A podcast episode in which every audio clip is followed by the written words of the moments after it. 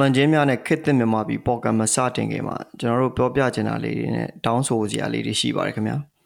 ကျွန်တော်တို့ရဲ့တော်လန်ချင်းများနဲ့ခစ်သစ်မြန်မာပြည်ပေါ်ကကຫນွေဦးတော်လန်ရေးရဲ့တကယ်ဖြစ်ပျက်နေတဲ့တရုတ်မှန်တွေကိုပြောပြတင်ဆက်ပေးဖို့ကျွန်တော်တို့ရည်ရွယ်ထားပါတယ်ပြီးတော့ကျွန်တော်တို့ရဲ့ဒီတော်လန်ရေးမှာပါဝင်နေတဲ့သူတွေရဲ့ကျွန်တော်လှုပ်ဆောင်ချက်တွေပြီးတော့ဒီပြည်သူလူထုပြည်သူလူထုနဲ့ပတ်သက်ပြီးတော့ဒါသူတို့သတင်းမှန်တွေရောက်ဖို့လိုတယ်တကယ်မြေပြင်အခြေအနေကိုနားလည်ပြီးတော့ ကိုလှုပ်တင်လှုပ်လိုက်တာကိုတကယ်နားလည်ဖို့တကယ်လှုပ်ဖို့အတွက်ကိုရည်ရွယ်ထားတာဖြစ်ပါတယ်ခင်ဗျာကျွန်တော်တို့ရဲ့ပြည်သူတွေနိုင်ငံရေးသမားတွေရဲ့အတူရောင်မျက်နှာဖုံးတွေအောက်မှာ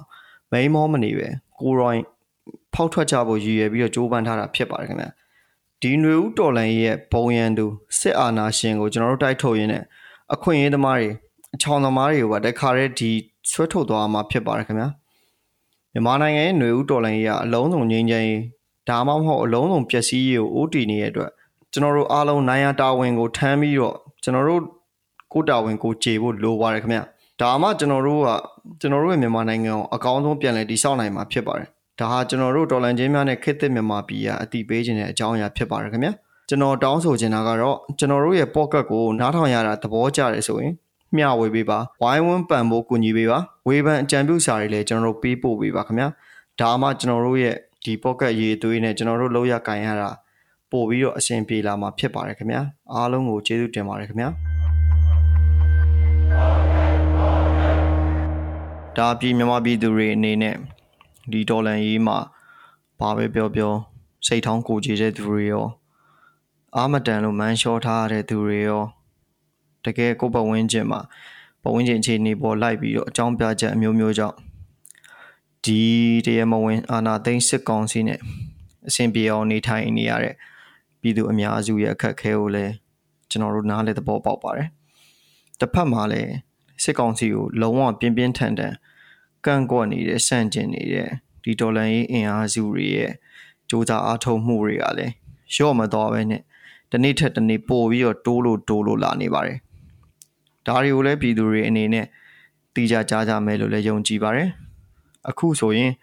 တဖြည်းဖြည်းနဲ့ဒီစစ်ပွဲကြီးတွေကိုဖော်ဆောင်လာတဲ့အနေနဲ့အခြေအနေလည်းဖြစ်နေပါတယ်ဒါကြောင့်ပြည်သူတွေကပင်ပန်းတာမှန်ပေမဲ့ပုံမှန်ကလစ်ဖို့ကိုချမ်းမာရေးစိတ်ချမ်းမာရေးကိုလည်းဂယုဆိုင်ဖို့ကျွန်တော်တို့တော်လန်ချင်းများနဲ့ခက်တဲ့မြန်မာပြည်ရနေပြီးတော့ဒါစုမုံကောင်းတောင်းတယ်လို့မှာလဲမှာချပန်ကြားလိုပါတယ်။ဘာကြောင့်လဲဆိုတော့ဒီဒေါ်လာကြီးကကိုရိုင်းလဲလူပင်မှန်းတယ်လို့စိတ်လည်းအရန်ပင်မှန်းရပါတယ်။ အားလုံးကပုံမှန်လိုမျိုးစူးစမ်းနေထိုင်နေရတယ်ဆိုပေမဲ့ဘလောက်ခက်ခဲတဲ့ဒုက္ခရောက်တယ်ဆိုတာအားလုံးနားလဲသဘောပေါက်ပြီးသားပါ။ဒါကြောင့်ကျွန်တော်တို့ဒီနေ့ဒီချိန်မှာပေါ့ပြည်သူအားလုံးခက်ခဲနေတဲ့အချိန်ဒါပေမဲ့အဲ့လိုအခက်ခဲတွေကိုဒီလိုပဲကြံ့ကြံ့ခံပြီးကြော်ဖြဲရမယ်ဆိုတာလူတိုင်းနားလဲသဘောပေါက်ပြီးသားဖြစ်မှာပါဒီနေ့မှာကျွန်တော်မေးမြန်းသွားမယ့် pocket ကတော့ဒီတတိယနိုင်ငံကိုခိုးလုံမို့ပေါ့ ထိုင်းနိုင်ငံကိုရောက်ရှိနေတဲ့ညီမလေးဟန်နာကိုမေးသွားမှာပါသူမဆရာမတယောက်လည်းဖြစ်တယ်ပြီးတော့လူငယ်တယောက်လည်းဖြစ်တယ်ဒီဒေါ်လာရေးမှာနေရာတောင်းဆောင်အမျိုးမျိုးသူမနိုင်တဲ့နေရာအမျိုးမျိုးကနေပါဝင်ခဲ့တဲ့သူတယောက်လည်းဖြစ်တယ်ဒါကြောင့်သူမရဲ့အတွေ့အကြုံတွေကိုကျွန်တော်တို့တော်လှန်ခြင်းများနဲ့ခေတ်သစ်မြန်မာပြည်နဲ့အတူမျှဝေလိုက်ကြအောင်ခင်ဗျာညီမလေးဟန်နာကြီးမင်္ဂလာပါခင်ဗျာဟုတ်ကဲ့မင်္ဂလာပါကိုအခုလိုအကိုတို့ရဲ့တော်လှန်ခြင်းများနဲ့ခေတ်သစ်မြန်မာပြည်ပေါ့ကတ်ကို လာရောက်ဖေချပြီးတဲ့အတွက်ကောအချိန်ပေးဖို့ဆုံးဖြတ်ပြီးတဲ့အတွက်ကောအထူးပဲကျေးဇူးတင်ပါတယ်ဟုတ်ကဲ့ပါဟုတ်ညီမလည်းပြန်ပြီးကျေးဇူးတင်ပါတယ်ဟုတ်အခုလိုမျိုးဒီလိုကဏ္ဍမှာပေါဝင်ခွင့်ရတဲ့အတွက်ဟုတ်ဟုတ်ကဲ့ညီမလေးအခုအကိုတို့ညီမရဲ့ဒီဒေါ်လာရေးကာလဒေါ်လာရေးဘဝလေးကိုမပြောခင်ညီမဒီစစ်အာဏာမသိမ်းခင်မှာညီမရဲ့ပုံမှန်ဘဝအကြောင်းလေးကိုဒါနားထောင်နေတဲ့သူတွေရင်းနှီးတော့မိတ်ဆက်ပေးပါဦးညီမလေးဟုတ်ကဲ့ညီမတော့ဒီတန်ရင် GTC อ่ะဗောနော်ကြောင်းပြီးပါရယ် ကြောင်းပြီးတော့ညီမကတော့ညီမဒီကြောင်းမပြီးခင်ကာလရောဒီဆယ်တန်းပြီးရဲ့ကာလမှာအော်ညီမစာတင်တဲ့လုပ်ကိုလုပ်တယ်ပေါ့နော်ညီမစာတင်တဲ့ဆိုတော့ညီမက chemistry bio mathematics အဲ့ဘာသာရပ်တွေကိုစာတင်ပါတယ်စာတင်တော့ညီမကဒီတော်လိုင်းမတိုင်ခင်မှာတော့ကွာကိုဒီ international school မှာတင်နေပြီးတော့ညီမက home study group ဆိုပြီးတော့အာပေါင်နာလေးလုပ်လိုက်တယ်ပေါ့နော်အဲ့မှာညီမတို့ဒီကျောင်းပြီးရဲ့ BE ဘွဲရ ဒီ engineer ဆရာဆရာမတွေပါတယ်ပြီးတော့တခြားညီမရဲ့ဟိုစီနီယာဆရာဆရာမတွေပါတယ်အဲ့ဒီလိုမျိုးလည်းညီမတို့က group လေးတစ်ခုဖွဲ့ပြီးတော့စာသင်တယ်စာသင်ပြီးတော့ညီမတို့ဒီလိုအေးအေးဆေးဆေးလေးပေါ့နော်စာသင်တဲ့စာသင်တဲ့ဒီမိဘနဲ့တူနေဒီလိုမျိုးလေးနဲ့ပဲဖြတ်တန်းလာအောင်ပေါ့ဟုတ်အဲ့တော့ဒီစစ်ကောင်စီကဒီနိုင်ငံတော်အာဏာသိမ်းပြီးပြီးတော့နိုင်ငံတော်ကောင်းဆောင်တွေကိုဖမ်းဆီးတဲ့အချိန်ပေါ့အဲ့တော့အကိုတို့ဒါပြည်သူတွေအကုန်လုံးလဲ ဘလို့မှမျှော်လင့်မထားတဲ့အခြေအနေတခုပေါ့နော်အဲ့အချိန်မှာညီမအနေနဲ့ဘယ်လိုမျိုးခံစားရလဲဘယ်လိုမျိုးစဉ်းစားမိတာမျိုးရှိလဲပထမဆုံးအာနာစသိမ်းတဲ့အချိန်ပေါ့ကျွန်တော်ရန်ကုန်မှာအဲ့ဒီနေ့ကညီမအမေအိမ်မှာရှိတယ်အမေအိမ်မှာရှိပြီးတော့ညီမမနက်ခင်း6နာရီလောက်ကိုအတော်ရဖုန်းလန်းဆက်တယ်အာ6နာရီခွဲ9 6နာရီခွဲလောက်ပေါ့နော်ဖုန်းလန်းဆက်ပြီးတော့ညီမတို့အဒီလိုမျိုးဟိုဟာ line နေမရတော့ဘူး အဲ့ဒီအချိန်မှာကိုဒီပထမဆုံးညီမမွေးကလေးရအခုချိန်ဒီလိုဖြစ်တဲ့မျိုးပထမဆုံးမြင်ဘူးလားဆိုတော့ညီမတို့တော့အရန်ကိုလန့်သွားပါတော့ဟာဟုတ်ပါမလားဒီလိုရောလုပ်လို့ရလားအဲ့ဒီလိုမျိုး cycle ကြီးဝင်နေ ဟုတ်လို့လားဒီလိုမျိုးလုပ်လို့ရလားအာအာနာသိမ်းသွားတယ်ဆိုတော့ဟာအာနာသိမ်းသွားတယ်ဆိုတော့ဒီတိုင်းပဲလားပြီးတော့ဒီညီမတို့ဒီဖုန်းနေပါတယ်လေပြတ်သွားတယ်ဆိုတော့အာဟုတ်လားတကယ်ရောဖြစ်ရလားပေါ့ညီမရှိမှဆိုရင်အရင်တော့ညီမဖုန်းထဲမှာ Telenor ရဲ့ MPT ရဲ့စင်ကတ်နှစ်ခုထည့်ထားတယ်အဲ့ဒီအချိန်မှာပြောနေရင်အတော့ဟုတ်တယ်လို့ပြောတဲ့အချိန်မှာညီမတို့မိသားစုအကောင်လုံး လန့်လို့ပါဘောနော်လန့်ပြီးတော့အဲဒီလိုဖြစ်တယ်ပြောကြတယ်ပြောပြီးတော့ညီမတို့ဒီ10မိနစ်လောက်ပဲရှိသေးတယ်တကယ်လို့တယ်လီနော်လိုင်းကလုံးဝဆက်သွယ်လို့မရတော့အဲ့ဒီအချိန်မှာဖြစ်တဲ့ခံစားမှုကပြောရမယ်ဆိုရင်ဟိုတစ်ခါမှမဖြစ်ဘူးတဲ့တကယ်ရင်နေလဲရမ်းတုံသွားတယ်ပြီးတော့ခြေကလက်ကအိတ်ဆက်ပြီးတော့ဘာလို့လို့လောက်အောင်မသိဘူးပေါ့နော်အဲ့ဒီအချိန်မှာတယ်လီနော်လိုင်းနေပြတ်တယ်အဲ့ဒီအချိန်မှာဖြစ်ချင်တော့ညီမကဒီစာတင်တဲ့ဒီ professional အလုပ်အပြင်ကိုညီမဒီ online shopping တွေလုပ်ဖို့အတွက်ကိုစပြီးတော့ run ဖြစ်တယ်ပေါ့ ညီမတို့ဒီအာနာမသိန်းခင်နှစ်လလောက်ပဲဆိုတဲ့အချိန်မှာညီမက online shopping တွေ ready to wear အမဝတ်ဆောင်နေအဲ့ဒီလိုမျိုးညီမဒီ design ဆွဲပြီးတော့ဒီလိုမျိုးထုတ်ဖို့အတွက်ကိုလုပ်နေတယ်ပစ္စည်းတွေဝင်းစုထားတယ်အာအဲ့တော့ညီမစိုင်ကန်းလေးငှားထားတယ်လေလမ်းမှာပါအဲ့လိုမျိုးခြေနေလေးတွေရှိတယ်အဲ့တော့ကိုစားပြီးတော့အလုံးလုံးနေတယ်ဒီလိုကြီးဖြစ်တယ်ဆိုတော့အရန်လည်းလမ်းဖြတ်သွားတယ်အဲ့ဒီအချိန်မှာညီမဒီနေ့လေတနာရီလောက်မှာအဲ့ဒီမှာကားရီပါရလည်းငှားဖို့ပါညာလည်းတော်တော်လေးခင်းရင်လည်း အဲ့ဒီနေ့တနေ့တည်းမှာပဲဖြစ်ဖြစ်သွားတာပေါ့နော်။ line ကြီးကလည်းပြတ်သွားတယ်မိဘတွေနဲ့ဆက်သွယ်ရတဲ့အခါမှာလည်းအဆင်မပြေဖြစ်တယ်။ပြီးတော့ညီမကျတော့လှည့်တန်းအောင်အပစ္စည်းတွေကိုကားနဲ့သွားပြီးတော့သွားတည်ရတယ်။မဟုတ်ဘူးဆိုရင်စိတ်မချရတော့ဘူး။အဲ့ဒီအချိန်မှာအာလူတွေကလည်းကိုယ့်ကိုဘာလို့လောက်မှမသိအဲ့လိုတွေဖြစ်ပြနေအောင်အဲ့လိုဘာလို့လို့လောက်မှမသိအကောင်လုံးစိုးရင်ပူပန်မှုတွေနဲ့အဲ့လိုချိန်မျိုးဖြစ်တဲ့အတွက်ညီမလည်းအဲ့နေ့ချင်းမှာပဲနေ့လည်းတနားရီလောက်ကိုကားငှားငှားပြီးတော့အဲ့ဆိုင်ကိုပိတ်တကယ်ဆိုဆိုင်ကန်းကိုညီမတို့ငှားထား6လချုပ်ထားရတယ်ဒါပေမဲ့ညီမ ဖွင့်မှုပဲလုံနေရထားကာလပဲရှိသေးတလားတော့မပြည့်သေးဘူးဆယ်ရက်15ရက်လောက်ကာလမှာအဲဆိုင်ကန်းပတ်စံနေလဲအကုန်ဆုံးရှုံးခံညီမထဲတွေအကုန်လုံးညီမကားတဲ့တဲ့တဲ့ပြီးတော့အိမ်မောတဲ့အဲ့လိုမျိုးကြီးလုပ်ပြီးရှိုးရတဲ့ line တွေကလည်းလုံးဝပြတ်တယ် MPT ကတော့တစ်ချက်တစ်ချက်ရတယ်ပြီးရင်ပြန်ပြန်ပြတ်သွားတဲ့နိုင်အောင်အဲ့ဒီလိုမျိုးလေးတော့ရှိရပေါ့ပလီနောတော့လုံးဝမရအောင်အဲ့ဒီအမှတ်ရတယ်လေးပေါ့အဲ့လိုဆက်တဲ့နေရာမှာလမ်းပြရတယ်ပြီးတော့လမ်းမှာတော့မြင်ကွင်းတစ်ချောက်ကတော့ညီမတို့ဒီဟိုပါပေါ့ ဒါပဲနားလောက်တော့ကြာတယ်ညီမတို့ရှေ့ကုန်းဖျားဝင်းကျင်အဲ့နားလောက်မှာတော့ဟိုဟာဒီအာထောက်ခံတဲ့အောင်အောင်ပွဲဆိုပြီးတော့ခံပြီးတော့တီးမုတ်ကခုန်နေကြတာညီမတို့လမ်းမှာတော့တွေ့ခဲ့ရတယ်ပေါ့ကဲကောင်းအဲ့အိမ်မှာအကောင်လုံးလမ်းမှာလည်းရှုပ်ရှက်တွေခံနေပဲပေါ့အဲ့နိုင်ညီမတို့ပစ္စည်းတွေတဲတဲပြီးတော့အိမ်ပေါ်မှာအဲ့ဒီလိုမျိုးလေးတော့ဖြစ်တဲ့နေ့အတွင်းမှာတကယ်ရုံရင်းဆန်ကတ်တွေဖြစ်ရတယ်ပေါ့ပြီးတော့ဒါမျိုးလုံးလို့ရလားဆိုတော့ညီမတို့ တခါမှကြုံဘူးတဲ့လူတွေတော့ကတော့အထူးဆန်းလည်းဖြစ်လာတယ်ဟိုစိတ်တွေလည်းလှုပ်ရှားရတယ်ဒေါသတွေလည်းထွက်ရတယ်အရင်လည်းကိုယ့်ရဲ့ပုံမှန်နေကြတဲ့ကြားဖြစ်နေတဲ့အခြေအနေရရင်ရုပ်တရက်ဘာလို့လို့ဘာကြရမှမသိဟိုအလုပ်လဲဘယ်သွားမှလားမသွားရဘူးလားဘာလို့လို့လောက်အောင်ဒီစာပဲတင်ရမှာလားမတင်ရတော့ဘူးလားဒီ online shopping လုပ်နေတာဆက်လုပ်ရမှာလားဆက်ရအောင်ဖွင့်ရမှာလားမဖွင့်ရမှာစသဖြင့်ပေါ့ကိုယ့်ရဲ့အနေအထားတစ်ခုကတော့တော်တော်လေးကိုရရခတ်သွားအောင်ပေါ့ဟုတ်အဲ့တော့ ညီမခန္ဓာအနေနဲ့ဒီတရားမဝင်စစ်အာဏာသိမ်းမှုကိုဒါဆန့်ကျင်ရေးပိုင်းနေပေါ့နော်ပြည်သူတွေစပြီးပေါ့ပြည်သူတွေစပြီးလုပ်တဲ့အချိန်မှာညီမလေးအနေနဲ့ဘလို့ပုံစံမျိုးနဲ့ပါဝင်ခဲ့တာလဲအဲကိုယ့်ဘက်ကလည်းတစ်ဖက်မှာညီမပြောသလိုအလုပ်တွေကမျိုးစုံဆိုတဲ့အနေထားမှာပေါ့နော်ဘလို့ပုံစံမျိုးနဲ့စပြီးတော့ပါဝင်ပြတာလဲညီမဟုတ်ကဲ့ဟုတ်ညီမကတော့အဲနေ့ကစပြီးတော့နောက်ရက်တွေမှာစတင်တဲ့အလုပ်ကိုဖြတ်လိုက်ရတယ် စာလည်းမတင်ဖြစ်တော့ဘူးညီမတို့ group တစ်ခုလိုက်နေနဲ့ညီမက founder တယောက်အနေနဲ့စာလုပ်လိုက်တဲ့အလုပ်ဒါပေမဲ့ညီမလမ်းသွားလာဖို့တော့ကိုလည်းဟောမသွားလာဘူးမတင်တော့ဘူးအဲ့ဒီလိုမျိုးကြီးလုပ်ထားတယ်အဲ့ဒါဒါညီမရဲ့လုံနဲ့ပတ်သက်ပြီးပေါ့ဈေးရောက်တာပါညာလဲညီမအနေနဲ့အဲ့ဒါကိုဆက်ပြီးတော့မလုပ်ဖြစ်တော့ဘူးအဲ့ဒီအစားညီမရဲ့ page ကမ run တော့မလုပ်ဖြစ်တော့တာအခုချိန်ထိပဲပေါ့ညီမအဲ့လိုမျိုးစပြီးတော့ဒီ မတရားအနာသိမ့်တဲ့နောက်မှာညီမတို့ဒီညီမတို့ဒီကျောင်းဟောပေါ့ဒီညီမနိုင်ငံအင်ဂျင်နီယာများသိရရင်အာဒီစုပြီးတော့ဆန္ဒရေးပြကြတယ်အဲ့မှာညီမက join နေ join ပြီးတော့သူတို့နဲ့တူတူလိုက်ပြတယ်ပြီးတော့ညီမတို့အိမ်မှာကဟိုမောင်နှမရဲ့ရှိရပါတော့ညီမတို့မောင်နှမရဲ့နဲ့စုပြီးတော့ညီမနေတဲ့ view နဲ့မှာညီမဆန္ဒရေးပြတယ်အာမနက်ဆိုရင်ထွက်တယ်မနက်9နာရီ10နာရီလောက်ဆိုရင်9နာရီခွဲလောက်ဆိုရင် အရင်ရင်ထွက်ထွက်ပြီးတော့အဲ့လိုမျိုးမနက်ကမိုးလင်းနေကဆန္ဒပြညနေလောက်ချမှပြန်ရောက်အဲ့လိုမျိုးလေးနဲ့လုပ်ဖြစ်တယ်ဟုတ်ကဲ့ညီမအဲ့တော့ဒီအာနာသိန်းစစ်တပ်ကအကိုတို့ဒီမြန်မာနိုင်ငံသူနိုင်ငံသားတွေရဲ့အကြမ်းမဖက်ဆန္ဒပြမှုတွေပေါ့နော်ပြီးွားရင်ကိုတို့ဝန်ထမ်းတွေရဲ့ဒီအကြမ်းမဖက် CDN လှုပ်ရှားမှုတွေပေါ့အဲ့ဒီတပိတ်တွေပေါ်မှာရရဆက်ဆက်ဖြိုခွင်းလာတယ်အဲ့လိုမျိုးအချိန်မှာ ညီမတို့အနေနဲ့ဒီဆန္ဒပြသူတွေအနေနဲ့ပေါ့အာနာသိန်းစစ်တပ်ကိုဘယ်လိုပုံစံကင်တွယ်ရမယ်ဘယ်လိုပုံစံဆက်လက်ဆန့်ကျင်ရမယ်လို့စဉ်းစားမိတယ်ဗျညီမတို့ဆန္ဒပြရဲညီမတို့ဆန္ဒပြရဲဆိုမှငြိမ်းချမ်းသာဆန္ဒပြရဲညီမကိုယ်တိုင်ဆန္ဒပြခဲ့တဲ့အတွက်ညီမတို့မှာဘာမှဟိုအကြမ်းဖက်ပြီးတော့ဆန္ဒပြခဲ့ရတာမရှိဘူး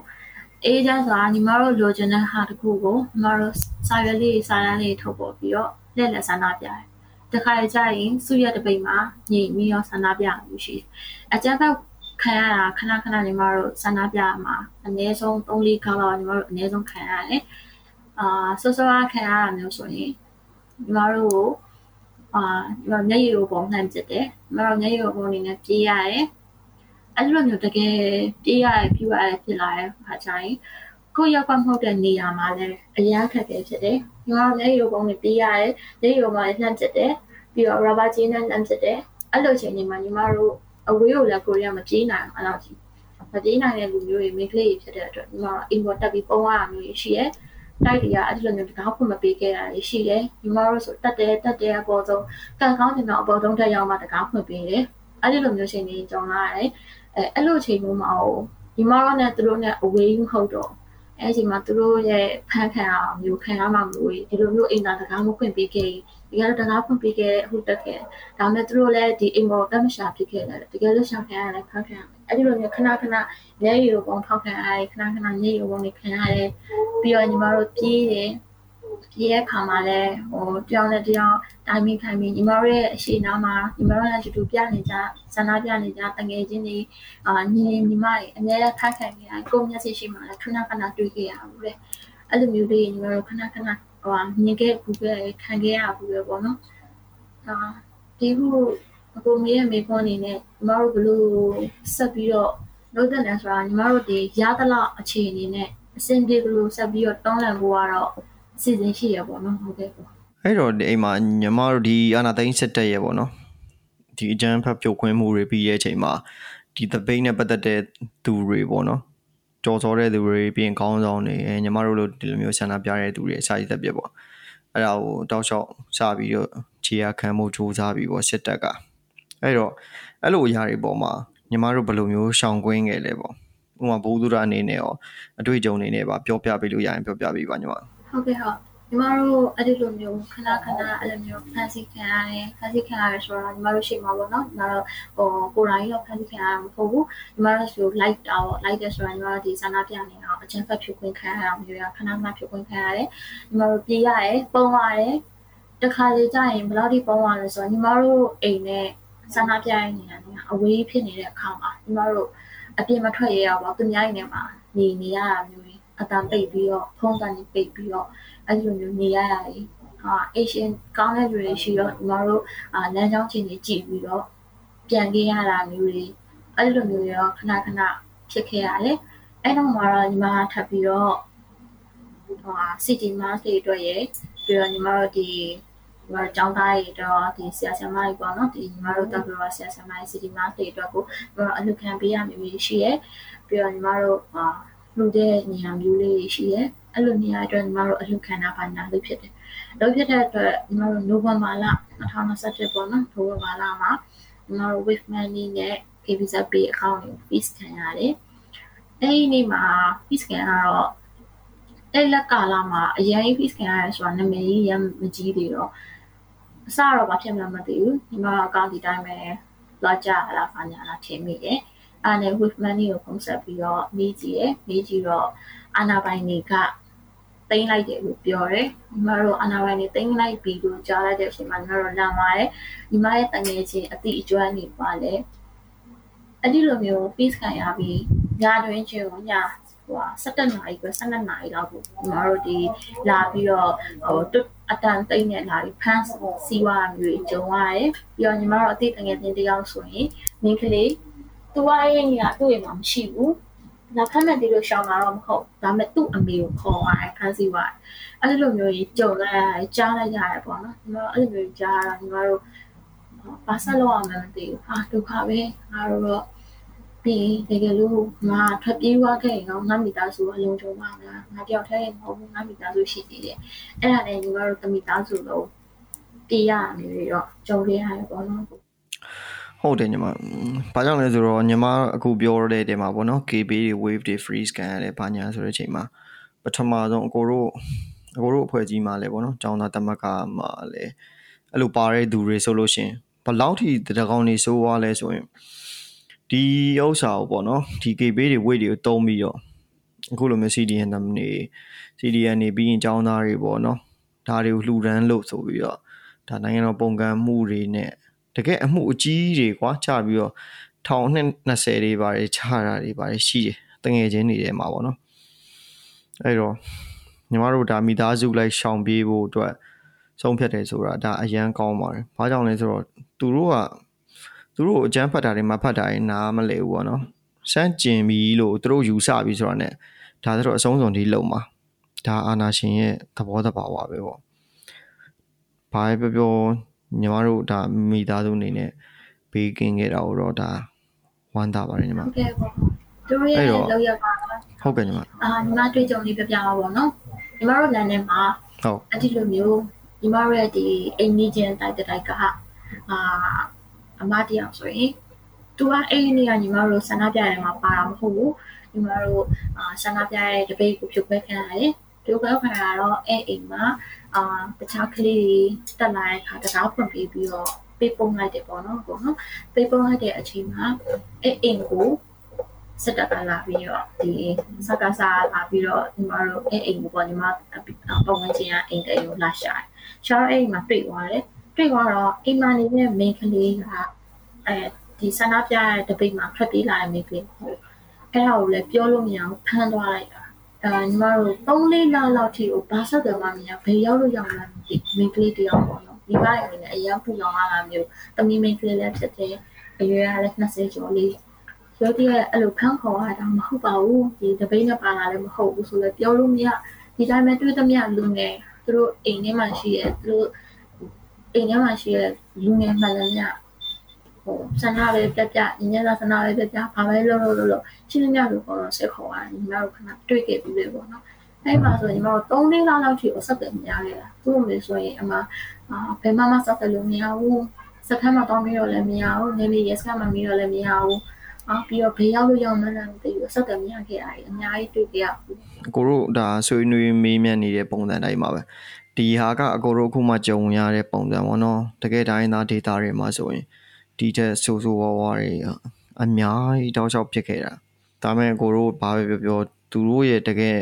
ဘယ်လိုပြောမလဲဒီစိတ်တဲ့အစ်စ်မှန်ပေါ့စိတ်တဲ့အစ်စ်မှန်နဲ့တကယ်လို့ရအစ်စ်မှန်ဒီမြန်မာစစ်တပ်ရဲ့အကြောင်းကိုတွေ့မြင်ရတဲ့အနေအထားဖြစ်သွားတာပေါ့အဲ့တော့ညီမတို့အနေနဲ့ဒီကိုနေထိုင်တဲ့ကိုနေရကိုအိမ်ပေါ့နော်ဒါကိုလုံးဝဆုံးခေါ်ပြီးတော့ထွက်ပြေးရတာလားအဲသို့မဟုတ်အချိန်ကာလတစ်ခုဒီခဏရှောင်တာလား ဘလိုပုံစံမျိုးနဲ့ဒီကိုကြုံခဲ့ရတဲ့အခြေအနေတွေကိုကင်တွယ်ဖြေရှင်းခဲ့လဲညီမဟုတ်ကဲ့ရှင်ညီမတို့ကတော့ညီမတို့အိမ်ကမိသားစုအကောင်လုံးကလာခွဲလောက်ဟိုအားလုံးလည်းစုသွားတာမဟုတ်ဘူးအဲကိုသွားတဲ့နေရာမှာလည်းကို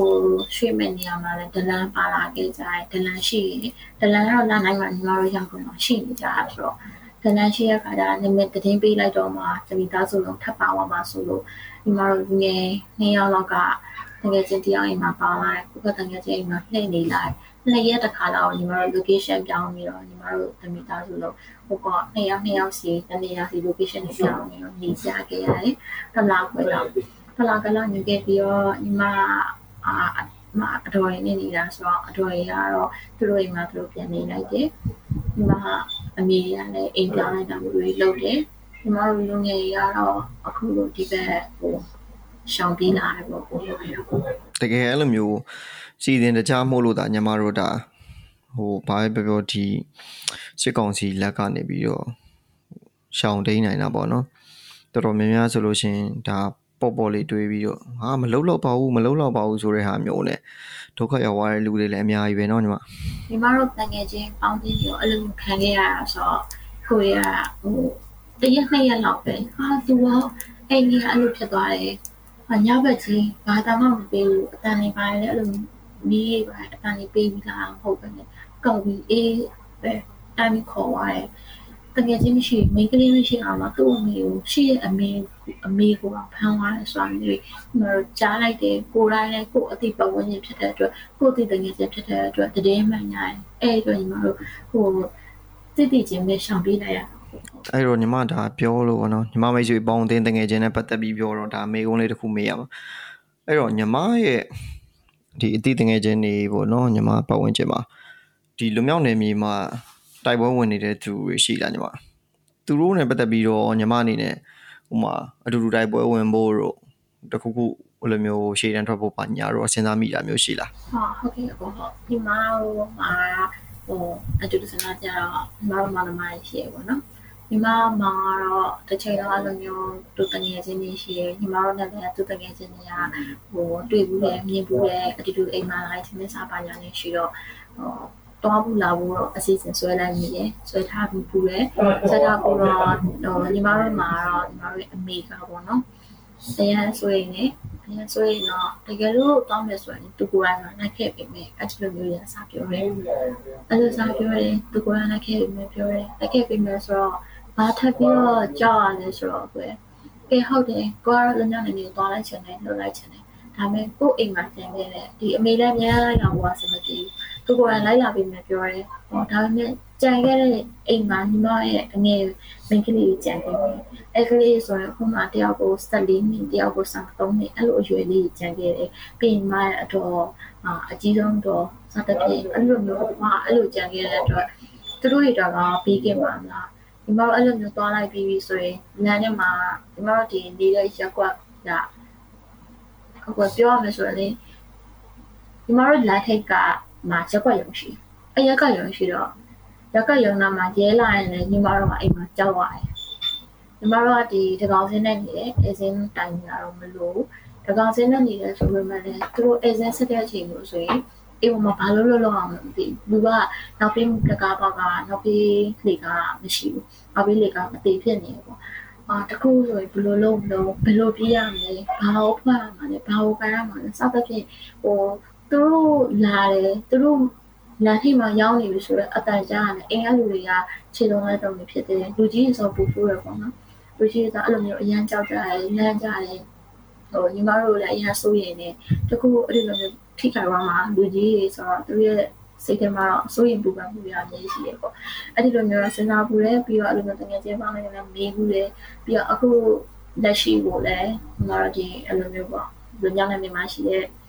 ကလေးတွေမာတငယ်လူတော့ကြီးရဲကိုရတော့စသဖြင့်လိုအပ်တာလေးကိုဘယ်လိုလေးလမ်းပြီးတော့ပုံပြီးလို့ရတယ်ဟောအများကြီးမတတ်နိုင်တော့မှဖုံးပေလေးဖြစ်ဖြစ် တို့ကြည့်ချင်တဲ့အားမျိုးလေးတစ်ခုဖြစ်ဖြစ်အဲ့လိုမျိုးလေးကိုလုပ်ပေးတယ်အဲ့လိုမျိုးလေးတော့အခုချိန်ပြီးတော့လုပ်ပေးမိပေါ့နော်ဟုတ်လုပ်ပေးဖြစ်တယ်ဟုတ်ကဲ့ညီမကျေးဇူးတင်ပါတယ်ဘာပဲပြောညီမရဲ့စိတ်ဓာတ်ကိုလည်းလေးစားပါတယ်ဆက်လက်ရဒီလိုပဲပြန်ပြီးတော့ချိန်ထိုးပြီးတော့စီစဉ်ရတာပေါ့ဟုတ်ကဲ့ပေါ့အဲ့တော့ဒါဘာပဲပြောညီမတို့ဒါဘေးကင်းရအောင်ပြောင်းရွှေ့ရတယ်ပေါ့နော်အရှင်ပြေးတဲ့နေရာဖြစ်ဖြစ်နိုင်ငံဖြစ်ဖြစ်အဲ့အချိန်ဒီမှာညီမတို့တကယ်စိတ်ရင်းစေတနာနဲ့အကူအညီဖေးမာခဲ့တဲ့သူတွေရှိလားအဲကျွန်တော်ညီမရှိမှနည်းနည်းပြောရတာပေါ့နော်ဒါကိုဆန္ဒပြလို့ live ဖန်လို့ထွက်ပြေးရတဲ့အချိန်မှာတော့မှတကားပိတ်ထားတဲ့လူလုံးဝဖွင့်ပေးတဲ့သူနဲ့လုံးဝသူတို့လာလာလာဆိုပြီးတော့ဖွင့်ပေးတဲ့လူအဲဒါမျိုးကွာဟာတလို့ပေါ့ညီမတို့ဒီဘေးကင်းအောင်ရွှေ့ပြောင်းရတဲ့အချိန်တောက်လျှောက်မှာညီမတို့ပုံစိတ်ရင်းစေတနာနဲ့ဖေးမကူညီဘူးတွေနဲ့ပတ်သက်တဲ့အတွေ့အကြုံတွေရှိရင်ဒါနားထောင်နေတဲ့သူတွေလည်းသူတို့အတူယူလို့ရအောင် သူတို့လည်းနားထောင်ရင်းနဲ့ဒါစိတ်ချမ်းသာအောင်ပေါ့အဲအတွေ့အကြုံလေးမျှဝေပြပါညီမဟုတ်ကဲ့ပေါ့အာညီမတို့အဓိကဒီလိုမျိုးဖြစ်တယ်ပြီးတော့ညီမတို့ဒီ baking အတီကိုမရောက်ခင်ကတော့ baking ရရောက်တဲ့အတီကိုအဓိကကိုကြီးပေးရတော့ညီမတို့မိသားစုပေါ့ညီသားမိသားစုကအကုန်လုံးကညီမတို့ဒီတမိသားစုတွေမဟုတ်ဘဲညီမတို့ဆွေမျိုးတွေအကုန်လုံးကဒီလိုမျိုးမတရားအကြမ်းဖက်ပြီးစကားစားအ တိတ်ပဲဖြစ်ရတဲ့တိတ်လိုက်တဲ့လောက်ရပေါ်မှာအားလုံးကဟိုမတရားခံခံလာရတယ်။နောက်တော့အဖေဦးလေးလက်ထပ်သားဆိုတော့သူ88ကိုပြီးခဲ့တယ်။အဲ့ဒီလိုမျိုးခံခဲ့ရတဲ့လူဖြစ်တဲ့အတွက်ညီမတို့ဟိုပေါ့တမိသားစုတော်ကဒီလောက်ရကိုမတရားဘူးဆိုတာယုံကြည်တဲ့လူတွေဆိုတော့အဲ့တော့တော့ညီမတို့ချင်းအများကြီးကိုထောက်ပံ့ရတယ်ပေါ့နော်။ညီမတို့ အဲ့ဒီလိုမျိုးဝင်ဖန်နေလေး fix ခံရတဲ့အခါမှာကျွန်တော်တို့ပြေးရတော့အမျိုးတွေအိမ်ပေါ့ဟိုမှာအတော်အိမ်မှာနှစ်ရက်ဟိုဘက်တော်အိမ်မှာနှစ်ရက်ပြီးတော့တခါလေကြာလဲအဲ့ရက်ကွက်ဒီမှာအဲဆက်ဆက်မယ်ခန္ဓာတည်ကြတော့လဲညီမတို့ဟိုညသိချင်းဟိုတယ်ပြေးရတဲ့နေ့တွေရှိတယ်အဲ့လိုမျိုးဟိုတယ်မှာအဲ့လိုမျိုးပြေးရတဲ့တရက်နှစ်ရက်ရှောင်းရတယ်အဲဟိုတယ်ရောစိတ်ချပါမလားစသဖြင့်ပေါ့အကုန်လုံးမျိုးစုံ ဟိုညနေတည်ကြည့်ဖုံးကြည့်တရားနဲ့တရားကွန်ပျူတာစနစ်ကိုပြန်ပြီးတော့ဆက်သွယ်လို့ဒီမှာအဆင်ပြေလားဒီမှာအဆင်ပြေလားအဲ့ဒီလိုမျိုးလေးတော့အခုထိလောက်ရအောင်ပေါ့ဒီမှာတော့အဓိကကိုနေပေးခဲ့ရတော့ပို့ပေါ်ကောင်းရဲ့လူရကိုရဲ့မိသားစုရဲ့ဆွေမျိုးတွေအဲ့လိုပဲပြင်ကိုရဲ့အရန်ခင်ရတဲ့ကိုနဲ့တူတူဆန္ဒတူတဲ့ဒီစိတ်ချင်းတူတဲ့တငယ်ချင်းအပေါင်းအသင်းတွေရှိခဲ့တယ်အဲ့လိုမျိုးတော့သူတို့အိမ်မှာအဲ့လိုမျိုးဟိုပြီးပြီးတော့ တရက်တန်စီတရက်တန်စီပေးနေရတာမျိုးရှိတယ်အကုန်လုံးကြီးကတော့အများကြီးတော့ကိုညီခဲ့ရရင်တော့တခြားလူတွေတော့မရှိခဲ့ဘူးလို့ညီမတို့ပေါ့ပါအဲ့တော့ဒါညီမတို့နောက်ဆုံးဒီစပြီးတော့ဒီဆေအာနာရှင်ဒေါ်လာရေးမှာပါဝင်တဲ့အချိန်ဒီနွေဒေါ်လာရေးမှာပါဝင်တဲ့အချိန်ကနေစပြီးတော့ဒီဘေးကရန်ရောက်တဲ့အထိကိုအဓိကကိုညီပန်ပိုးပေးရတော့ဒါဒီမတရားမှုကိုလုံးဝစန့်ကျင်တဲ့မိသားစုပေါ့နော်ညီမ ဟုတ်ကဲ့ရှင်မိသားစုကအဓိကပေါ့ညီမတို့အခုလိုမျိုးခက်ခဲဒုက္ခရောက်နေတဲ့အပေါ်မှာဒါကိုညီဖေးမမဲ့သူတွေရှိတယ်နော်အဲ့အပေါ်မှာညီမတို့အခုဒုက္ခရောက်တဲ့အနေအထားမှာညီမတို့အပေါ်အခွင့်အရေးယူတဲ့သူတွေညီမတို့ရဲ့ဒီဒုက္ခရောက်နေတဲ့အနေအထားပေါ်မှာအတုံးချတဲ့သူတွေရောရှိလားညီမအဲ့လိုလူမျိုးတွေရှိလို့ရှင်ဒါညီမသေးချာပြောပြပေးလို့ရပါတယ်ဒါအောင်နားထောင်နေတဲ့သူတွေနဲ့ ဒီမြန်မာပြည်သူပြည်သားတွေကြားတဲ့အခါမှာဒီလူတွေရဲ့လောက်ရက်ကိုကြည့်ပြီးတော့သင်ခန်းစာလည်းယူလို့ရတယ်ပြီးတော့ဒီလိုလူမျိုးတွေကိုလည်းဘယ်လိုမျိုးဖယ်ရှားရမယ်လူအတိုင်းဝိုင်းရနေဆိုတဲ့ဒါနီလန်းတွေကိုလည်းဝိုင်းဝန်းစဉ်းစားပေးရမယ်ဝိုင်းဝန်းဆန့်ကျင်ရမယ်ပေါ့နော်ဒီလိုမျိုးကောင်းကျိုးလည်းအများကြီးရှိတဲ့အတွက်ဒါညီမတို့ကောင်းတဲ့ memory တွေတော့မဟုတ်ပေါ့သို့ပေမဲ့ညီမတို့ရဲ့အတွေ့အကြုံတွေကိုတော့မျှဝေပေးစေချင်ပါတယ်ဆန္ဒပြနေတော့ကာလာမှာလည်းညီမတို့ညီမရှိမှခုနပြောခဲ့သလိုပေါ့နော်ညီမတို့ကို အစတော့ဟိုတိုက်ပေါ်လူတွေကလက်ခုပ်ကြီးနားထောင်ရှိနေပြီမဲ့တကယ်အရေးကြုံလာတဲ့အခါမှာတကားဖွင့်မပေးရမျိုးတွေအဲ့ဒီလိုမျိုးကိုယ်နဲ့မဆိုင်သလိုနေနေတဲ့လူတွေလည်းအများကြီးကြုံခဲ့ရဘူးလေအခုလိုညီမတို့ထွက်ပြေးလာတယ်ထွက်ပြေးလာတဲ့လမ်းတစ်လျှောက်မှာလည်းဒီလိုမျိုးကိုကဒုက္ခရောက်နေတဲ့အပေါ်မှာအမျက်ယူအကျိုးထုတ်တဲ့လူတွေလည်းအများကြီးတွေ့ခဲ့ရတယ်ပေါ့နော်ညီမတို့ဒီလိုမျိုး ညီမတို့ဒီနိုင်ငံကနေမြန်မာနိုင်ငံကနေစွန့်ခွာပြီးလာတယ်အဲ့လိုလာတဲ့အခါမှာညီမတို့သူများတွေထပ်ပို့ပြီးတော့ဝေကြီးပမာဏတွေညီမတို့လူမျိုးလာခဲ့တာကိုရီးယားအပျော်ကြီးထွက်လာခဲ့တာမဟုတ်ဘူးပေါ့နော်ညီမတို့ပျော်ကြီးထွက်လာတာမဟုတ်ဘူးညီမတို့မှာရှိတဲ့အလုပ်ကိုင်တွေညီမတို့မှာရှိတဲ့အာစုဆောင်းထားတဲ့အရာတွေစသဖြင့်ညီမတို့မှာရှိတဲ့မိသားစုတွေအဓိကညီမတို့အရင်ချစ်တဲ့မိသားစုတွေ ဒီလိုလူတွေအကုန်လုံးခွဲခွာပြီးတော့ညီမတို့အခြေအနေရဲ့အကြောင်းထွက်လာခဲ့ရတယ်။အဲ့လိုအခြေအနေရဲ့အကြောင်းပေါ်မှာကိုကပျော်ရွှင်မှုအတွက်လာတာမဟုတ်ဘူးအပတ်ပြေဖို့လာတာမဟုတ်ဘူးပျော်ပွဲစားထွက်လာတာမဟုတ်ပေမဲ့ဒီလိုအခြေအနေအခက်အခဲကိုယ်ဒီပမာချင်းချင်းဒုက္ခရောက်နေတဲ့အခက်အခဲမှာပေါ့နော်ဥပမာဆိုကွယ်ဒီမောဒီလာတဲ့လမ်းစည်းတွေမှာဈေးတင်တာမျိုးတွေကြုံခဲ့ရတယ်ဒီမှာတော့လမ်းစည်းတွေကိုပို့ပြီးတော့ကိုကဒီရောက်တော့မှ ဒီရောက်ပြီး၃လလောက်နေတော့မှအာတခြားလူတွေဘယ်လိုလမ်းစိတ်ဘယ်လောက်နဲ့လာခဲ့ရလဲကိုရီလည်းကျတော့အစ9စား6စားလောက်တင်ပြီးတော့ကိုရီပေးပြီးတော့လာခဲ့ရတယ်။အော်အဲ့တော့လမ်းကမတူဘူးလားဆိုတော့လမ်းကအတူတူပဲဒီလိုမျိုးတွေကိုရီပေါ်အမြတ်ထုတ်တာခံခဲ့ရတယ်။ညီမတို့ရောက်တဲ့အချိန်မှာဆိုရင်ညီမတို့မျက်စိတိုင်ငယ်နားတိုင်ငယ်နဲ့ဘယ်လိုမျိုးကြောက်စရာကောင်းလဲဒီနိုင်ငံမှာဘယ်လိုမျိုးနေရမလဲဘယ်လိုမျိုးပဲနေသင့်လဲ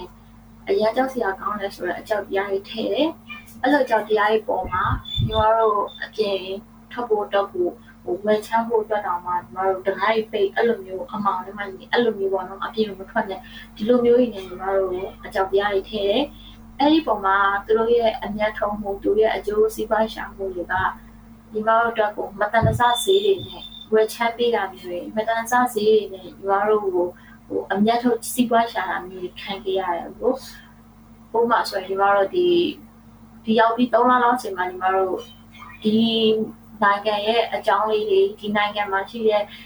အသုံးစရိတ်တွေဒီနိုင်ငံရဲ့အင်နာကခြေနေမျိုးလေးတွေဒီနိုင်ငံရဲ့ဈေးကဘယ်ပစ္စည်းဆိုဘယ်လောက်ဈေးမျိုးလေးတွေကညီမတို့မှာသိလာခဲ့ပြီအဲ့ဒီမှာညီမတို့တောင်းထားတဲ့ဈေးမျိုးတွေညီမတို့ဝယ်ပေးထားတဲ့ပစ္စည်းတွေနဲ့က3လေးလောက်กว่าတဲ့ပမာဏမျိုးတွေညီမတို့မှာတောင်းခံရတယ်အင်နာကလည်းဆိုလဲပို့ပြီးတော့တောင်းခံရတာမျိုးတွေရှိတယ် ပုံမှန်အင်တာကတောင်းတာမျိုးထက်ညီမတို့ကပိုပြီးပေးရတာမျိုးတွေပေးခဲ့ရတာမျိုးတွေလမ်းစိတ်တွေကိုအစမတန်တောင်းခဲ့ရတာအစမတန်ပေးခဲ့ရတာမျိုးတွေ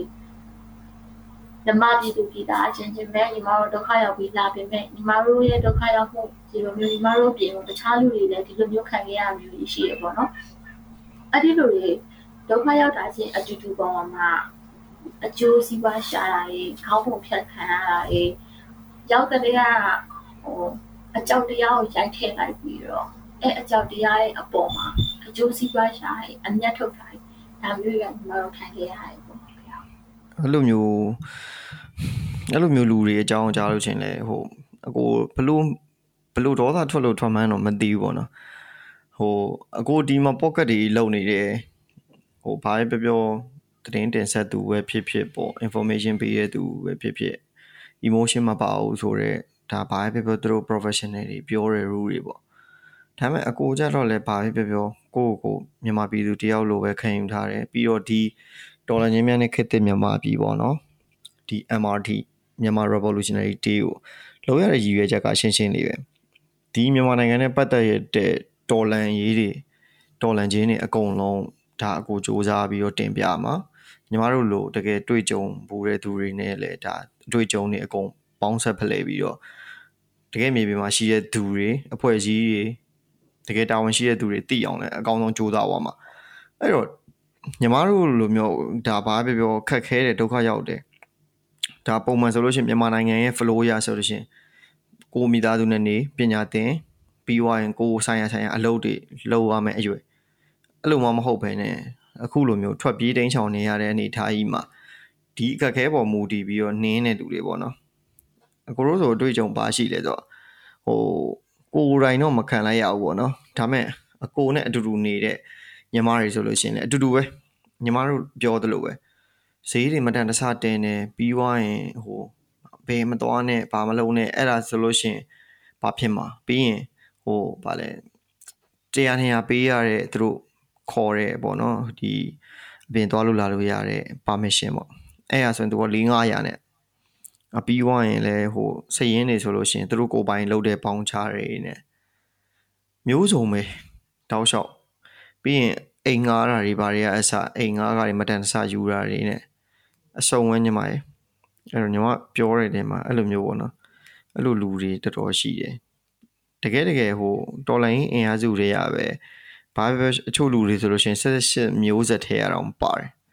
အဲ့လိုမျိုးဆိုတော်တော်ခံစားရတယ်ပေါ့နော်ဟာသူတို့ကဒီလိုကြီးလားဆိုတဲ့ခံစားချက်နော်ညီမဟုတ်တယ်အကောဟုတ်ဘယ်လိုပြောကိုယ်နဲ့ရွယ်တူလည်းမဟုတ်ဘူးကိုယ်နဲ့အသက်ကြီးတဲ့လူတွေကိုယ့်ရဲ့မိဘအရွယ်ကဟောဒုက္ခရောက်လာခြင်းတူတူမဆောက်ရှောက်တာပေါ့နော်အာကိုကဆောက်ရှောက်ဖို့ဆိုတာသူတို့ရဲ့ကိုကြီးယူမဲ့အနေထားမဟုတ်ပါဘူးသူတို့ရှာအကူကြီးယူအဲ့လိုမျိုးသူတို့ပြင်ပန်းခံရမယ့်ကိစ္စမျိုးမဟုတ်တော့မှတိကျတဲ့ information လေး ညီမတို့ဒီ senior နဲ့တူအောင်အရင်ရောက်နေတဲ့လူတွေကရောက်လာမယ့်အသက်လူတွေကိုတိကျတဲ့ information လေးအမှန်ကန် information လေးပေးပြီးတော့ဒီလမ်းကောင်းလမ်းကြောင်းလေးဒေချာလေးပြောပြပေးပြီးတော့တကယ်ကိုပေါ့နော်ကိုယ့်ရဲ့စေတနာတိုင်းဆက်ဆံမယ်ဆိုတော့အကောင်းဆုံးပေါ့ဟုတ်ဟုတ်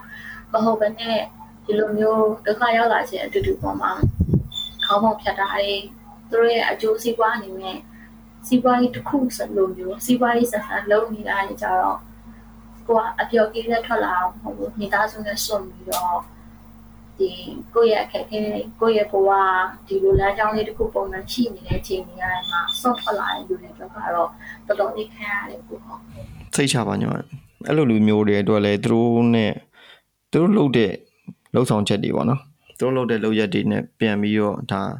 သူတို့တာဝန်ယူမှုတာဝန်ခံမှုတွေပေးရအောင်လဲဒါအကိုတို့လည်းအကောင်းဆုံးစူးစမ်းသွားမှာပဲ ညီမတို့လိုမျိုးလဲဒါတကယ်အဲ့လိုမျိုးခက်ခဲတဲ့အချိန်မှာတွေ့ကြုံရတဲ့အတွေ့အကြုံတွေကိုလည်းတကယ်ပြောရဲဆိုရဲတယ်လို့မျှဝေရဲတဲ့လူတွေလည်းတကယ်လိုအပ်ပါတယ်အကိုတို့ဒီဒေါ်လာချင်းများနဲ့ခက်တဲ့မြန်မာပြည်ပေါ်ကတ်အနေနဲ့လဲအဲ့လိုလူမျိုးတွေ